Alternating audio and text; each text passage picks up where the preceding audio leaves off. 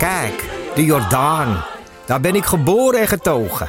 De nieuwe Nederlandse musical Onze Jordaan van Diederik Ebbingen is dit najaar in de theaters te zien. Koop nu uw kaarten op onzejordaan.nl. Leuk toch?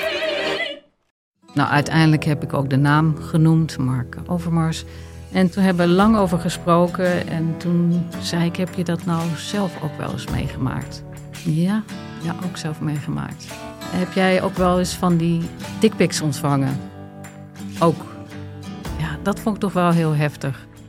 Ben je benieuwd naar deze verhalen en wil je niets missen? Via podimo.nl slash gonzo luister je 30 dagen gratis naar Gonzo op Podimo. podimo.nl slash gonzo Hallo, vanaf de redactie van de Groene Amsterdammer is dit uw wekelijkse podcast. En ik ben Kees van der Bos.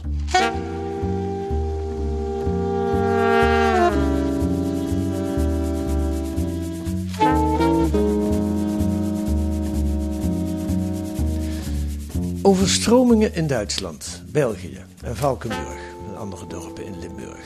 Hittegolven, eerst in Canada, de Verenigde Staten, nu in Zuid-Europa. Grote bosbranden, Griekenland, Italië, Frankrijk, Turkije. De klimaatverandering wordt steeds voelbaarder. En dan kwam er ruim een week geleden ook nog dat rapport van het IPCC, de wetenschap dus, met alarmerende berichten. Is er sprake van een nieuw momentum? Gaat het klimaatprobleem nu eindelijk serieus genomen worden? En wat is de rol van de journalistiek daarbij? Tijd voor een gesprek met twee groene redacteuren die op allerlei manieren over het klimaat schrijven. Jaap, welkom Jaap. Dankjewel. Jaap Tielbeke, voor de podcastluisteraar bekend van het boek Een beter milieu begint niet bij jezelf. Uh, een jaar geleden uitgekomen Jaap. Ja, zomer van 2020. Midden in de coronacrisis. Is het een beetje verkocht? Nou, het zou helpen als gewoon iedere podcastluisteraar nu nog even dat boek bestelt. Maar ja. ik, mag, ik mag niet klagen. Maar ik denk wel dat het uit heeft gemaakt dat het in het midden van die pandemie uh, ja. gepubliceerd werd. Ja. En denk niet dat het een heel deprimerend boek is, uh, alhoewel de problematiek heel deprimerend is. Het, het, is een prachtig boek om te lezen. En Evert de Vos. Dag Evert. Hoi hoi. Uh, redactiechef van De Groene, maar ook veel uh, schrijvend, met name over het falende CO2-beleid van dit kabinet. Zoals deze week in De Groene. Ook daar komen we nog wel aan toe. Ja. Um, Jullie zijn al eens een keer samen in de podcast geweest. En toen ging het over uh, Covering Climate Now. De, mm -hmm. de, de, milieu, uh, de grote actie van ongeveer 250 internationale bladen. Um, en dat was voor de Groenen heel bijzonder. Uh, want journalisten, ja, zoals je het toen ook noemde, dat is toch een beetje uit de comfortzone gaan van een journalist om actie te voeren. Je staat, wij staan aan de zijlijn en kijken en schrijven. Eerst maar eens gewoon open die vraag. En begin bij Jaap. Is er sprake van een momentum? Leven we in een bijzondere tijd? Ja, ik denk dat je afgelopen zomer wel hebt kunnen zien dat de gevolgen van klimaatverandering absoluut tastbaarder en, en voelbaarder worden. En dat zag je denk ik ook bij de presentatie van het IPCC-rapport.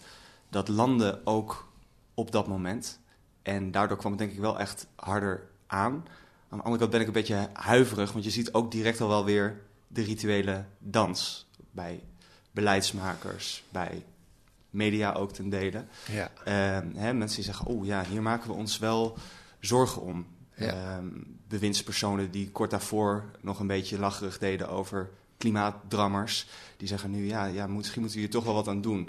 Dus uh, ik ben wel een beetje huiverig om direct te denken, dit is de definitieve omslag en van hier wordt het allemaal beter. Um, maar ik denk wel dat um, ja, dit wel echt kan bijdragen aan een groeiend bewustzijn. Ja. Evert, hoe schat jij dat in? Nou, wat je wel zag is bij de, de verkiezingscampagne die iedereen bij nu vergeten is, uh, dit voorjaar speelde klimaat geen enkele rol. Nee. Er kwam nog gedeeltelijk de coronacrisis, maar klimaat economie, speelde geen rol. Economie speelde een rol, de, de corona, noem maar op. Maar klimaat helemaal niet. Dus we zitten wel met een, een Kamer opgescheept die, die, die, die, ja, die dat toch minder belangrijk vindt. Ook, ook met, met een uh, ja, grotendeels rechtse meerderheid. En, en uh, sterke populistische partijen die nog steeds de trom roeren uh, dat allemaal onzin is. Mm -hmm. Dus, dus ja, of de politiek uiteindelijk dat gevolg heeft. Ik zag ook wel, ik moest, had over Covering Climate Now. Vorige week, zowel de Verloskant als de, als de NSC hadden een grote verklaring op de cover staan over het klimaat. En dat er nu echt toch uh, maatregelen genomen moesten ja, worden. dat viel mij ook Dat was een redactioneel standpunt opeens geworden. Ja. Dus echt, nou, die hadden, ze hadden wel mee kunnen doen toen de tijd. en dat vond ik wel, wel grappig. Dus, het, is, het is terug. Uh, het klimaat dat staat weer, staat weer op de agenda. Glasgow komt eraan, de grote conferentie, milieuconferentie, vijf jaar naar, of zes jaar dan naar, naar Parijs. Dus ja, het, het kan gaan gebeuren. Uh, Europa met, met, met de Green Deal, met, waar goede maatregelen in zitten, het kan gebeuren. Maar ja, we weten ook allemaal, de, de, de polder, uh, die, die, wil nog wel doelen stellen. Van oh, we gaan over zoveel jaar, zeker als ze verder weg liggen, over zoveel jaar hebben we zoveel reductie. Ja. Maar om de polder het eens te laten worden over maatregelen, dat, dat is een, uh, hebben we gezien een, een, zeer lange weg met heel veel klimaattafels en zo. Ja. Nou, wat ik denk, zelf denk dat er wel veranderd is, is die, die uh, overstromingen in Limburg en in Duitsland en in België. In die zin, hoe, hoe, het is cynisch bijna om te zeggen, maar ik denk dat we dat nodig hebben. De rampen moeten echt gewoon gebeuren. Voor, je kunt wel heel rampen voorspellen en die zijn verschrikkelijk als je je in het klimaat verdiept. Mhm. Mm. Maar ze worden pas echt verschrikkelijk als ze ook gebeuren. Ja, je, je hoort dat vaak, hè? dat idee dat we eerst een soort wake-up call moeten hebben in de vorm van een ramp. En dan zien we het licht en dan gaan we dit eindelijk serieus nemen. Maar ja, nogmaals, ik ben er toch wel. plaats er toch wel vraagtekens bij. Omdat je ook na die overstromingen in Limburg al wel weer snel zag dat er verzet was om dit dan, dit soort extreme weersomstandigheden aan klimaatverandering te koppelen. Het werd dan een beetje gezien als uh, politiek activisme of opportunisme om nu dan dat gesprek over klimaatbeleid te gaan voeren. Ja. En dat heeft mij wel echt ook verbaasd. En daar word ik soms ook wel echt een beetje moedeloos van. Um, dat we nog steeds in die fase zitten. Terwijl de wereld eigenlijk uh, in brand staat, zou je kunnen zeggen. Um, blijven we nog steeds, blijft het nog steeds heel moeilijk om dat gesprek uh, verder te brengen. Je zag wel in Duitsland Merkel bijvoorbeeld, die wel uh, onomwonden dat verband legde en ook dat moment aangreep om te pleiten voor stevige klimaatmaatregelen. En ik denk dat we daar echt um, naartoe moeten. Maar ik denk, ik weet niet. Ik ben een beetje bang dat zeg maar, op het moment dat de ergste gevolgen zich gaan manifesteren, dat het dan al bijna um, te laat zal zijn. Daar kunnen we het nog langer over hebben. Laten we even luisteren wat jij zegt. Gebeurde inderdaad bijvoorbeeld in. Ik heb wat fragmenten gehaald van de Telegraaf, de grootste krant van Nederland. Een krant die zich beschouwt als ja, een, een actiekrant eigenlijk op dit front. Er, moet wat tegenwicht geboden worden tegen al die klimaatdrammers.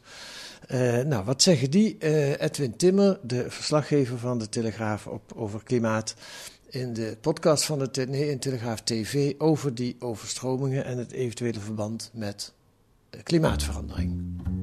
Het waren absoluut afgrijzelijke beelden natuurlijk die we in Duitsland en België hebben gezien. En deels ook in Limburg. Maar er is niks dat erop wijst dat dat nou vaker voorkomt dan eerder.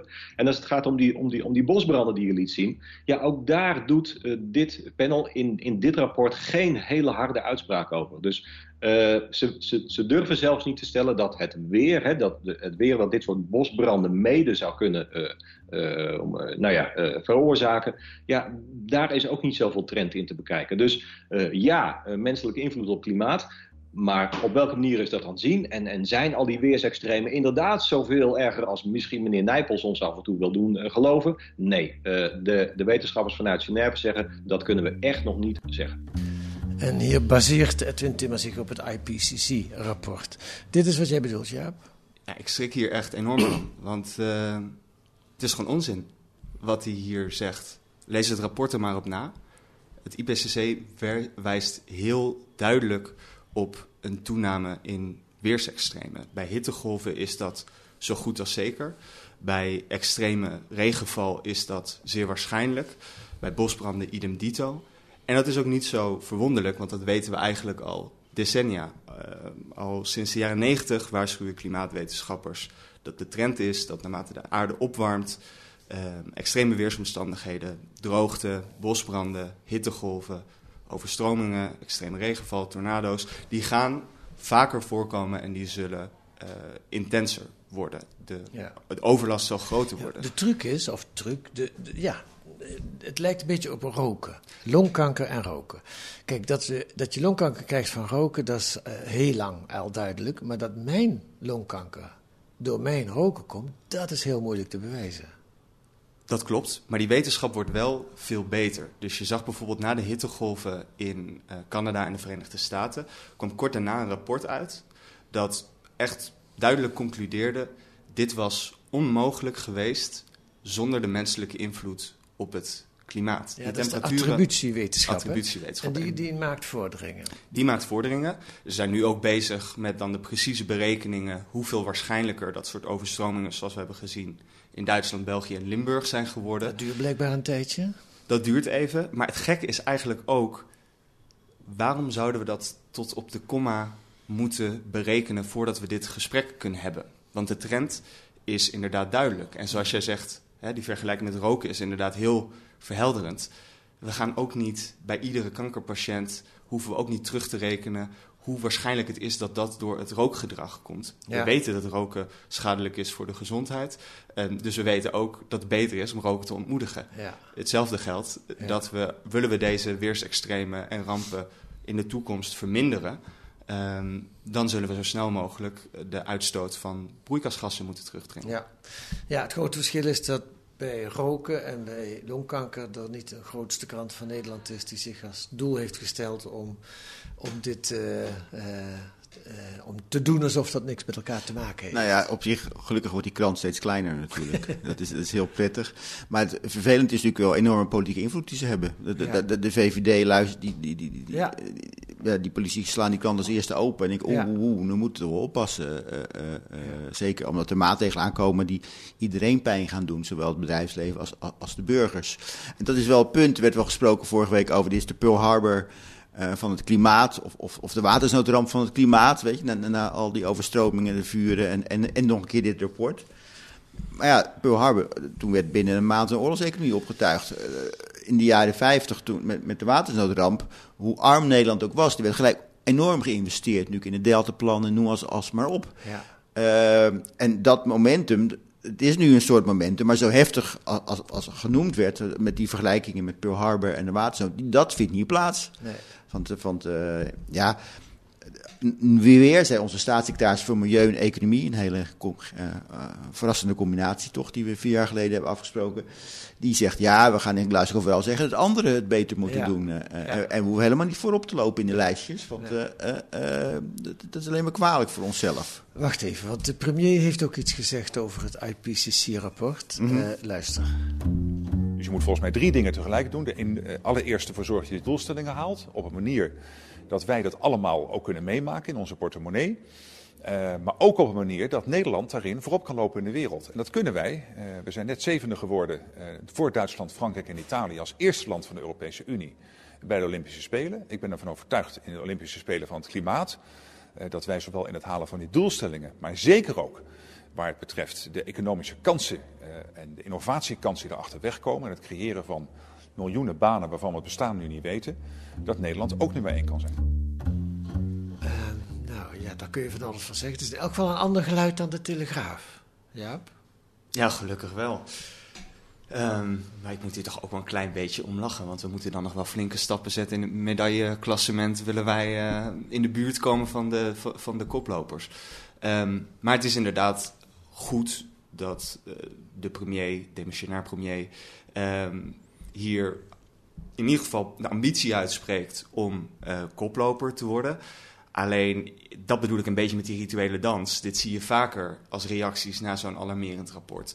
De vraag is, wat gebeurt er vervolgens? En als je dan kijkt, hè, Rutte zegt vaak... we moeten inzetten op Europees um, klimaatbeleid... wat vrij verstandig is. Want als Europa kan je natuurlijk een grotere vuist maken dan Nederland uh, in zijn eentje. Mm -hmm. Alleen als je gewoon gaat kijken naar het klimaatbeleid van Nederland de afgelopen jaren. Nou, Evert heeft er deze week een artikel op over. Dan um, blijft het beschermen van de nationale industrie toch nog steeds uh, de boventoon voeren. Ja. Dus die, die daden, daarop um, zou ik beleidsmakers uh, graag willen afrekenen. En niet op dit soort mooie woorden. Het lijkt een beetje hol, wat hij zegt. Of een beetje marketing.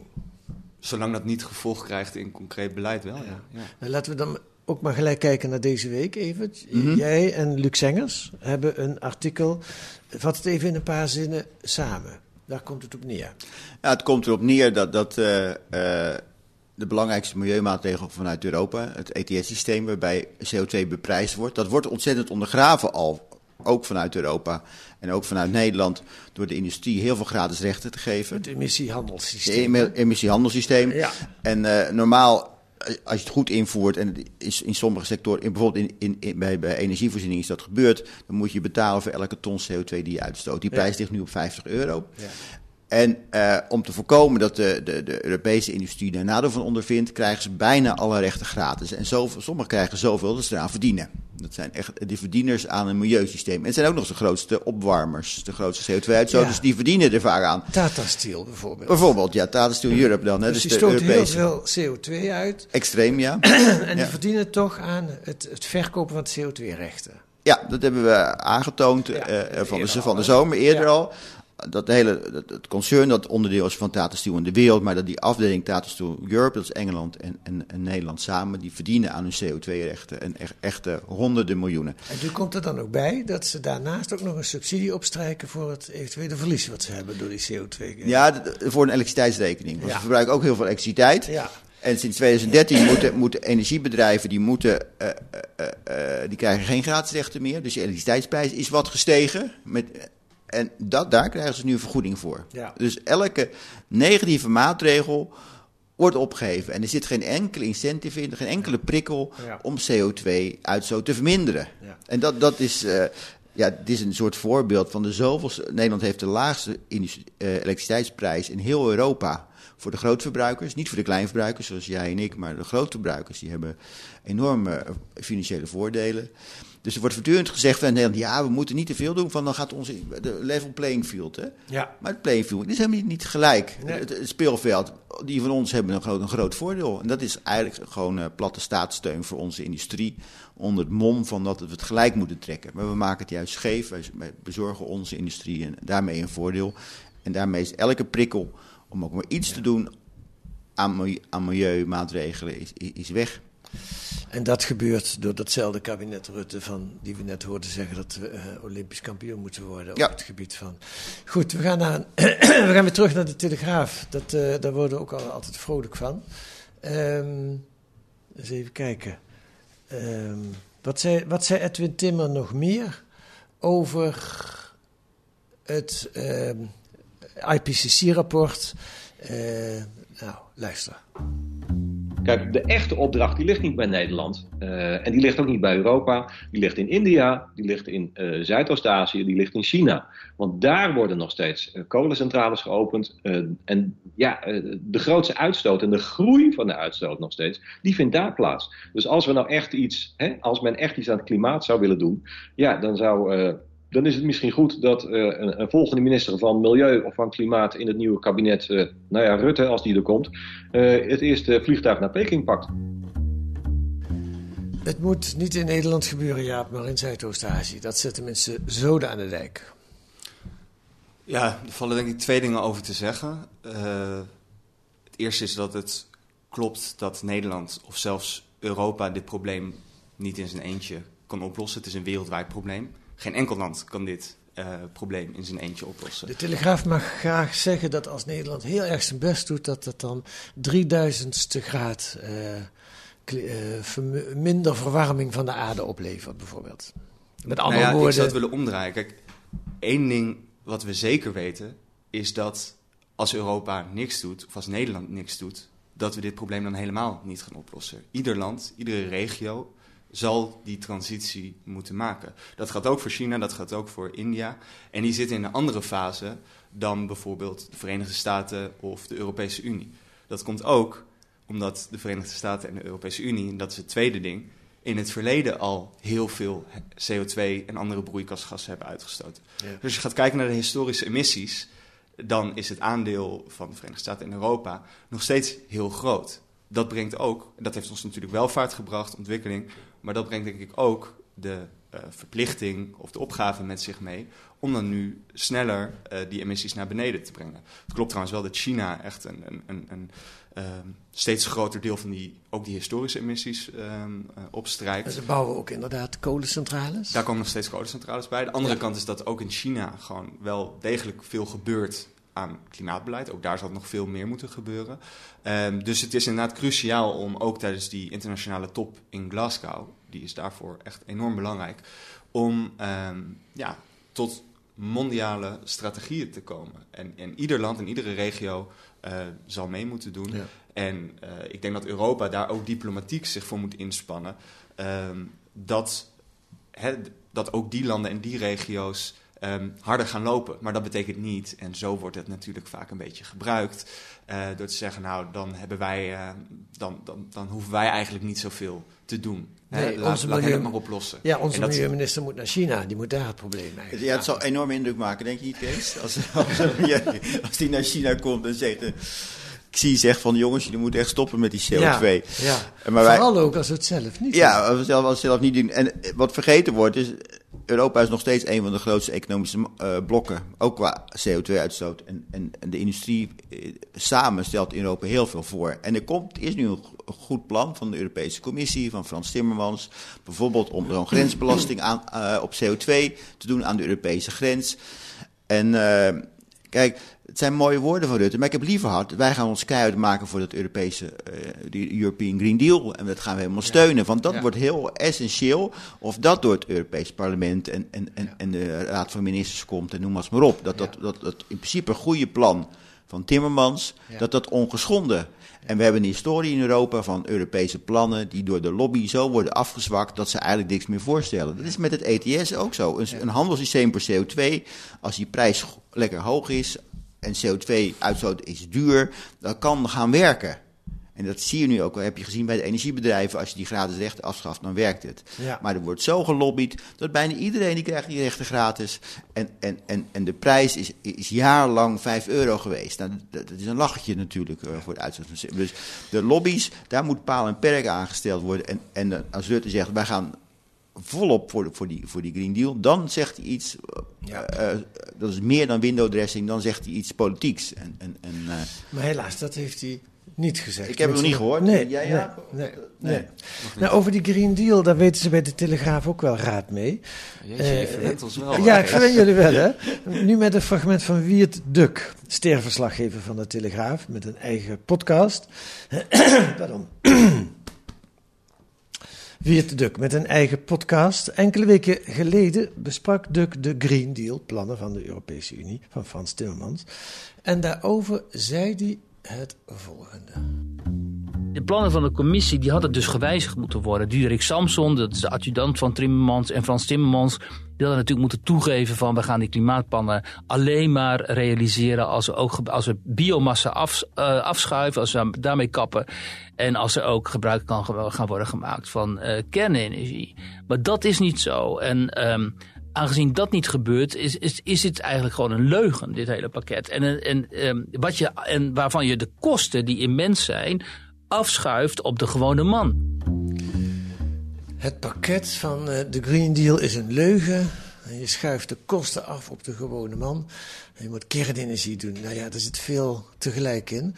Eh, laat ik beginnen bij die biomassa. Ik had het gevoel dat hij daar op zich wel een punt heeft. Daar is de laatste tijd heel veel kritiek op gekomen. Ja, weet je Kees, ik weet niet hoe lang je deze podcast wil laten doorlopen, maar dat is een enorm ingewikkeld dossier met heel veel nuances. Ja. Eh, ik zou iedere luisteraar ook willen aanraden om de onderzoeken van Investico, die daar veel over hebben geschreven, erop na te slaan. En dan zie je inderdaad, dat is een terecht punt, dat er heel veel haken en ogen kleven aan het gebruik van biomassa. Dat dat in het slechtste geval een papieren realiteit kan creëren. Dat heet dan koolstofneutraal, maar als je wat verder gaat kijken, dan, eh, dan is dat helemaal niet zo. Nee. Dus dat is best een terechte zorg. Het tweede punt, kernenergie. Kan je ook een hele podcast over vullen met voor's en tegens. Ehm, ik stel voor dat we dat nu niet gaan doen, maar dat vind ik een legitieme discussie, weet je wel. ja. Alleen om op basis daarvan dat hele plan af te serveren als een leugen, die, ja, die, dat, dat, dat volg ik gewoon niet. En het laatste punt wat hij maakt is denk ik vrij terecht. Hoe worden die kosten verdeeld? Komen die onevenredig bij de burger terecht of bij de industrie? Worden die dan vervolgens weer doorverrekend? Dat is volgens mij een hele belangrijke vraag. Ook omdat we draagvlak willen behouden. Uh, ja. En dat doe je doordat even met een klassiek sociaal-democratisch mantra, uh, de sterkste schouders de zwaarste lasten dragen. Het goede nieuws is wel, denk ik, is dat dat wel ergens zit ingebakken in uh, de kernwaarden van die Green Deal. Daar gaat het heel veel over een rechtvaardige transitie, ook op Europees niveau. Dus sommige landen uh, zullen harder geraakt worden dan andere. Polen is bijvoorbeeld nog heel erg afhankelijk van kolen. Is dan een fonds opgetuigd om die, dat soort landen te ondersteunen met die transitie. Hm. En ik hoop ook dat dat uh, zeg maar op het niveau gebeurt van nou ja, de, de Europese burgers. Dat die relatief worden ontzien. Natuurlijk zullen we allemaal de gevolgen ervan uh, ondervinden. Um, maar ik heb wel goede hoop dat dat op een. Ik denk dat het op een eerlijke manier moet gebeuren. Maar het is eigenlijk een slimme vorm van ondergraven, zou je kunnen zeggen. Want hij haakt aan op punten waar wel degelijk ook nuances aan te brengen zijn. Biomassa, of dat, dat is misschien wel minder goed dan we een tijd lang gedacht hebben. Kernenergie, eh, ik weet het niet, maar dat zou, eh, volgens sommigen is het geen oplossing, maar eh, je moet overal naar kijken. Maar dan maakt, dat is dan in mijn ogen het actiejournalistiek. Dan maakt hij in één klap die sprong naar het hele plan van Timmermans en is een leugen. Nou, je ziet, neem kernenergie, wordt, wordt heel vaak gebruikt als nee, nee, we hoeven niet uh, te besparen uh, op ons, onze energievoorziening. We hoeven niet echt radicaal aan dingen anders doen, want we kunnen kernenergie gaan doen. En dat is gewoon niet waar. Als je kijkt, die centrales, uh, die kunnen hier pas over 15, 20 jaar staan. De thorium waar naar wordt verwezen, dat is een centrale die nog veel beter is, pas over 50 jaar. Uh, en, en, de kosten van elektriciteit die zullen de pan uitreizen. Dus dan kost het uh, uh, Marie en Jan met de pet nog veel meer. Dus, van die dus er wordt gedaan van we zijn tegen die windmolens, we zijn tegen die zonnepanelen en want we hebben kernenergie. Maar dat is ja. geen reëel alternatief. Nee. Ook al zou je misschien in de mix, ik, ik ben er zelf tegen, of allerlei andere redenen, want ik vind niet dat je generaties na ons met al het afval mag opzadelen. Maar dan zelfs als je dat wel vindt, en dat, dat, is een legitieme discussie, dan is het nu geen oplossing voor de, de, de korte termijn CO2-reductie die we nu al moeten doen. Ja. Het is hooguit voor in de verre toekomst. Ja. En we moeten nu al handelen. In 2030 moeten we al ergens zijn, in 2050. Dat, dat is veel dichterbij dan we denken. Dus het, het, wordt, het wordt eigenlijk met Kennedy en, en wordt een non-discussie wordt, wordt, er, wordt er binnengehaald. Juist om maar te, te traineren en juist om maar niks te doen. En, en, en, en het, het vervuilt de discussie heel erg, uh, denk ik. Ja, weet je waarom ik deze fragmenten ook aan jullie wilde laten horen? Mm. Ik wil nu, uh, uh, eigenlijk komen we nu pas bij de kern van het verhaal van vandaag. Wat is Mm. de rol van de journalistiek in de, uh, bij dit enorme, gigantische, grote probleem? Maar ja, de journalistiek. je hebt de Groene en je hebt de Telegraaf. De, samen vormen die de journalistiek. We zitten met één gigantisch probleem dat een hele grote speler in, de, in de journalistiek gewoon aan de andere kant staat. Ja, en je ziet ook hoe het doorwerkt. Hè. Ik heb hier eerder ook met Koen van der Ven, mijn collega, in de podcast gezeten... waarin we een groot stuk hadden, onderzoek hadden gedaan naar hoe de klimaattwijfel nog lang bleef doorzingen in de media. Ja. En hoe die, ik noem het even, de, de twijfelbrigade te werk gaat. Ja. En je ziet, kijk, Evert zegt, uh, die krant die, ja, dus een beetje geïsoleerd, een beetje in een eilandje. En dat is het laatste toevluchtsoord geworden van die uh, pseudoskeptici. Um, maar je ziet nog steeds hoe groot die invloed is en hoeveel doorwerkt. Hè? Want iemand leest dat artikel, laatst op, de, op Radio 1. Um, kreeg Jan Slachter ook de microfoon voor zijn neus. En die had een artikel gelezen in de Telegraaf. Dat het allemaal wel meeviel, dat het IPCC overdreef. En die, verkon, die, ja, die verkondigt dat klakkeloos. Um, dus je merkt wel degelijk hoe die argumenten en die twijfel nog steeds doorwerken. Ik denk wel, en dat is het hoopgevende. Kijk. Uh, Evert verwees net al even naar de voorpagina's van andere kranten en hoofdredactionele commentaren. Daar zie je dat ook rondom zo'n IPCC-rapport dat nu echt uh, heel serieus wordt genomen. Ik denk, maar het blijft een uitdaging. Ik merk het bij de Groenen zelf ook. Wij hebben nu deze podcast, maar als je gaat kijken, en Evert heeft deze week dit stuk, maar als je gaat kijken naar de koffers van afgelopen week, hebben wij eigenlijk geen groot stuk over dit IPCC-rapport. En dat komt ook omdat ik naar dat rapport kijk en denk, wat kan ik hier nou nog over zeggen? Ja.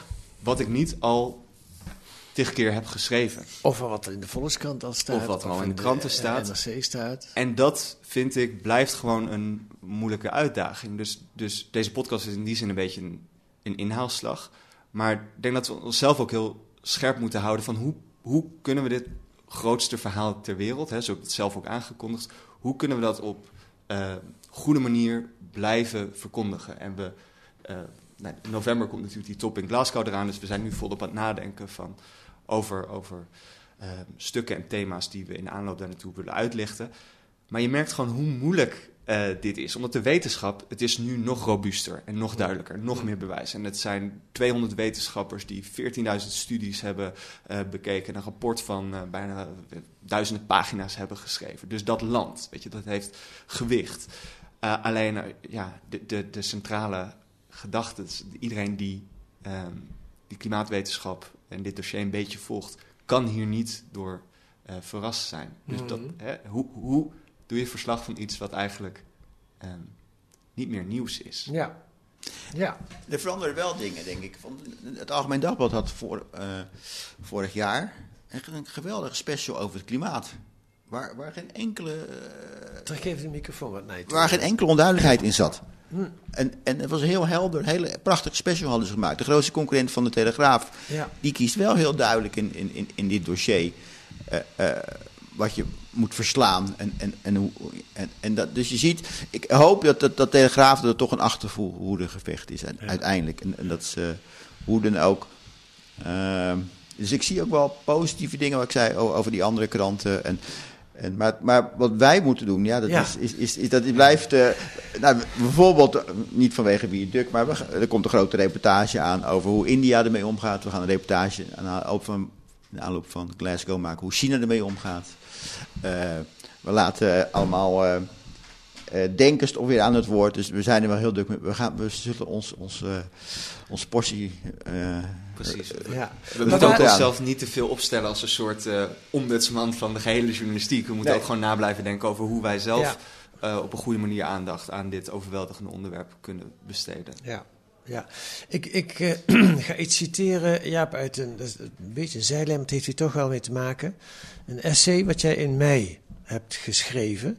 En dan gaat het over, over dus, eh, de klimaatproblematiek en jouw rol als journalist daarin. En ook de, een aantal mensen, ziet, daar begin je jouw essay mee, die pleiten van het moet afgelopen zijn met vreedzame acties. Er moet ook misschien wel pijpleidingen opgeblazen worden. Er moet geweld tegen tegen materiële dingen moeten we misschien niet uitsluiten. En eh, één zin trof me in, die, eh, in dat essay. En dat is, ik lees eigenlijk het laatste stuk van die zin voor. En dat gaat dan over de, eh, hoe geweldig groot de klimaatramp is waar we eigenlijk al in zitten. En hoe je daar als journalist mee om moet gaan. Jij schrijft, de grotere tragedie is dat de psychologische reflex die voorkomt dat ik wegzak in een klimaatdepressie, de reden is dat we gemeenschappelijk richting afgrond razen. Ik moet even naar het laatste woord kijken. Kun je nog herinneren? En wat bedoel je met, die, eh, met dit citaat? Ja, kijk, ik, ik hou mezelf natuurlijk veel bezig eh, met deze thematiek. En daar word je niet vrolijk Daar word je niet vrolijk van. Dat hebben we ook tegelijk- besproken bij, jou, bij jouw boek. Ik, ik, ik schrok ook toen ik jouw boek las, Ja. terwijl ik ook best wel de kranten volg, hoe erg het eigenlijk allemaal is. Ja, en er zijn momenten waarop je dat dan echt ten volle tot je laat doordringen.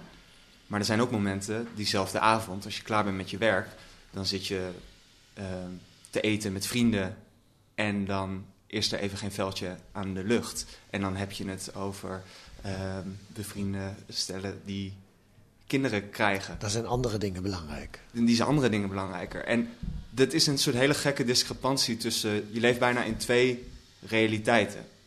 Want als het inderdaad echt zo erg is. als je zelf in artikelen beschrijft. waarom loop je dan niet eigenlijk constant in een soort blinde paniek rond? En dat vind ik soms wel. Daar gaat dit, dat, dat essay, dat, ging ook, het was een iets persoonlijker stuk. En dat ging ook iets meer over die. ehm, die wanhoop die je dan soms kan, kan, kan overvallen. Ehm, en die wanhoop zit denk ik dus ook in dat soort, die cognitieve dissonantie, die we allemaal, denk ik, hebben en meemaken en herkennen, of veel van ons.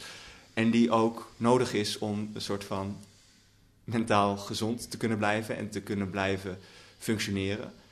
Maar tegelijkertijd, dat is in die zin, zorgt dat er ook voor dat we eigenlijk collectief het beest nog steeds niet in de bek durven te kijken. En we toch nog steeds zien als een abstracte toekomstdreiging. Ja. Of En misschien, de korte termijn toch nog steeds belangrijker vinden. of misschien zelfs wel blij zijn als af en toe de Telegraaf een verhaal schrijft dat het allemaal wel meevalt. Eh, ook al is het onzin, het is wel prettig. Ja, het kan denk ik wel eh, een comfortabele overtuiging zijn. Als je gelooft dat, we, dat het allemaal wel los zal lopen en dat we uiteindelijk in staat zullen zijn om ons aan te passen aan het veranderende klimaat. Ehm, alleen ik denk niet dat dat een positie is die houdbaar is als je de klimaatwetenschap serieus neemt. Wat ik nog overhield, ik heb ook nog teruggeluisterd naar dat, eh, die podcast naar aanleiding van jouw boek. Eh, eh, aan het eind hadden we het dan over optimisten en pessimisten. Eh, een tijd terug, de- dat begint steeds minder te worden, had je nog optimisten die zeiden: af, we vinden wel iets voor dat klimaatprobleem. Daar komt er een oplossing. Nu, eh, dat is ook een reactie die ik in mijn omgeving eh, eh, bespeur. neemt het pessimisme toe. Ja, het is inderdaad verschrikkelijk dat klimaatprobleem, maar het is te laat. We kunnen er niks meer aan doen. Ja, ik, zou je wel, ik kan je wel eerlijk zeggen dat ik het best een. dat ik soms best wel zwaar vond afgelopen zomer. Als je gewoon om je heen ziet hoezeer ehm, ja, de gevolgen zich nu al manifesteren en hoeveel leed dat veroorzaakt. Ehm, en ook dat je weet, dat is ook iets wat uit het IPCC-rapport blijkt, dat de komende decennia, hoe dan ook, ook al stoppen we morgen met de uitstoot van eh, broeikasgassen, eh, zal het de komende decennia warmer worden. Dus dat betekent dat dit soort rampen zullen toenemen. Nou, dat is iets waar je af en toe wel moedeloos mee kan worden. Ja, het maar- rapport is ook heel duidelijk dat de koers daarna, hoe warm het aan het eind van de eeuw zal worden en hoe rampzalig de gevolgen zullen worden, volledig afhangen van de keuzes die wij en de politici, eh, de mensen in het bedrijfsleven, de komende tijd maken. Eh, dus zolang die mogelijkheid er nog is, is het volgens mij altijd de moeite waard om daarvoor te blijven ijveren en om die druk uit te blijven oefenen. Eh, het is ja, soms misschien verleidelijk eh, om een beetje te zwelgen eh, een soort fatalisme. Dan hoef je Ehm, ook weer niks te doen. Hè? Dat is de, de, Ja, maar als je, als je niks doet, wordt het nog erger natuurlijk. Ja, Hè? De- de- de- dat, dat, dan zitten we niet met die 2 graden, maar gaan we 3, 4 graden opwarming. En eh, er komt binnenkort ook over een tijdje weer een rapport uit over die tipping points, die omslagpunten. Nou, die, dat wordt nog veel beangstiger. Wat gebeurt er als die golfstroom, die warme golfstroom niet meer bij- bij ons komt? Bij wijze van spreken. Ik was toevallig op vakantie in Galicië en ik vond het daar al verdomd koud in het water. Maar, maar, maar wat gaat er, er, gaan dingen gebeuren met, met, met, met de permafrost die, die helemaal ontdooit en hoeveel CO2 er vrijkomt. Met, met de, de stijging van de zeespiegel en nog grotere brokken in, eh, van de polen af. af nou ja, dus er komen omslagpunten. Ja. En als we niks doen, weten we zeker dat het nog veel erger wordt. Eh, eh, dus dus het is, het is een, een, een soort noodzaak die op een gegeven moment iedereen wel in moet zien. Eh, eh, alleen zien ze het op tijd in? Dat is de grote eh, vraag. En dat duurt heel lang. Ik sprak uh, Joen Trommel, de hoofdredacteur van Investico, die binnenkort afscheid neemt. En, die, die, die publiceert over dit soort onderwerpen al sinds de jaren tachtig. Ja. En ik zei, wat heeft het nou opgeleverd? Hij wist niet zo goed wat hij daarop antwoord moest, moet geven. Is dat zo? Maar het is ook, ja, we blijven maar op, op hetzelfde aanbeeld slaan. Ja. En als je het niet doet, weet je zeker dat er niks gebeurt. Ja, ja. ja. Oké, okay, en dan even heel concreet. De komende weken, de komende maanden. De, er zijn weer plannen bij de Groenen in aanloop naar Glasgow. En is het dan moeilijk om originele invalshoeken te verzinnen of niet? Nee, dat viel wel mee. We zijn even bij elkaar gaan zitten. En we hadden zo, we moeten nu alweer schrappen dat we te veel hebben. Nee, okay. nee wees daar niet bang voor. Dat, dat, dat zowel binnenlands als. als, als uh, en uh, er komt ook bijvoorbeeld een stuk aan over pessimisme gesproken, over bedrijven die, Europese bedrijven die het wel goed doen. Hm. We gaan binnenkort naar een bierbrouwer die toch bier maakt met veel minder CO2. Uh, er zit, die, zit genoeg prik in nog hoor. Dat, zal dan, dat zit, daar ligt er niet in. Maar het brouwproces is zo gemaakt dat, dat er minder CO2-uitstoot is. En ja. daar zullen we toch van moeten hebben. Er is nu een plan van, bij Tata Steel uh, om, om een groen staal te maken. Het is wel zo dat Nederland daar dan 3 miljard in moet stoppen. Maar dat zou wel een enorme klap schelen. Als, als, als dat scheelt echt, echt megatonnen als, als we dat uh, kunnen gaan doen. En, dat, en, en ja, dat plan voorziet al in een enorme daling van CO2-uitstoot over vijf jaar. Ja. Maar dan moeten we wel nu die zeggen, we gaan die koers varen en we gaan dat doen. En, en desnoods nationaliseren we Tata Steel weer. Of we moeten zeggen, we heffen de hele tent op. En die keuze, die, die, die moet nu wel gemaakt worden. Ja. Nou ja, dat doet me denken, het is op hele kleine schaal, maar daar werd ik ook wel vrolijk van. Dat artikel van jou laatst over die boer die dan in dienst genomen wordt door een groep burgers die op die manier uh, in hun eigen voedsel gaan Ja. voorzien. En daar- maar je ziet ook, daar, daar gaan ook weer dingen bij fout natuurlijk. Die kippen gingen dood. Ja. ja. en ze hadden drie weken niet te eten. Omdat, nou ja, toen moesten ze wel in de supermarkt omdat Maar het was de oogst tegenviel. Maar dat was toch... Ja, en zo gaan dingen hè, met vallen en opstaan. En dat zullen we de komende tijd ook merken. Ook, ook eh, met allemaal techniek om CO2 te, te verminderen. Goed, moedig voorwaarts. Jaap Tielbeke en Evert de Vos, dankjewel voor dit gesprek.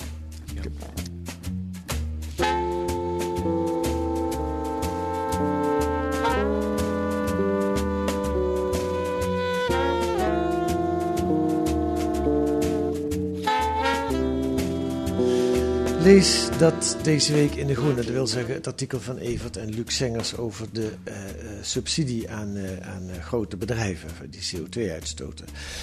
Wat staat er nog meer in De Groene deze week? Een reportage over jongeren die zich weer communist durven te noemen. Of zoals een van de jonge communisten het verwoordt. Jongeren worden nu zo genaaid dat ze wel radicaal links moeten worden. En dan is er een onderzoek naar frauderende penningmeesters. Ze drukken tijdens hun vrijwilligerswerk voor voetbalclub of toneelvereniging weliswaar vaak tienduizenden euro's achterover, maar het zijn zelden keiharde criminelen. Dat en veel meer kunt u lezen met een abonnement of een proefabonnement. Ga naar groene.nl, daar wordt u dat allemaal keurig uitgelegd. Wilt u reageren op wat u hier hebt gehoord? Dat kan ook via de mail podcast.groene.nl podcast.groene.nl. U mag ons ook sterren geven in uw podcast-app. Dat levert op een of andere ingewikkelde manier ook weer veel meer luisteraars op. En volgende week zijn we er weer met analyses en achtergronden bij het nieuws in deze podcast van de Groene Amsterdammer, die deze week werd gemaakt door Misha Zaad en mijzelf, Kees van der Bos. En de muziek is A Tune for N van Paul van Kemenade.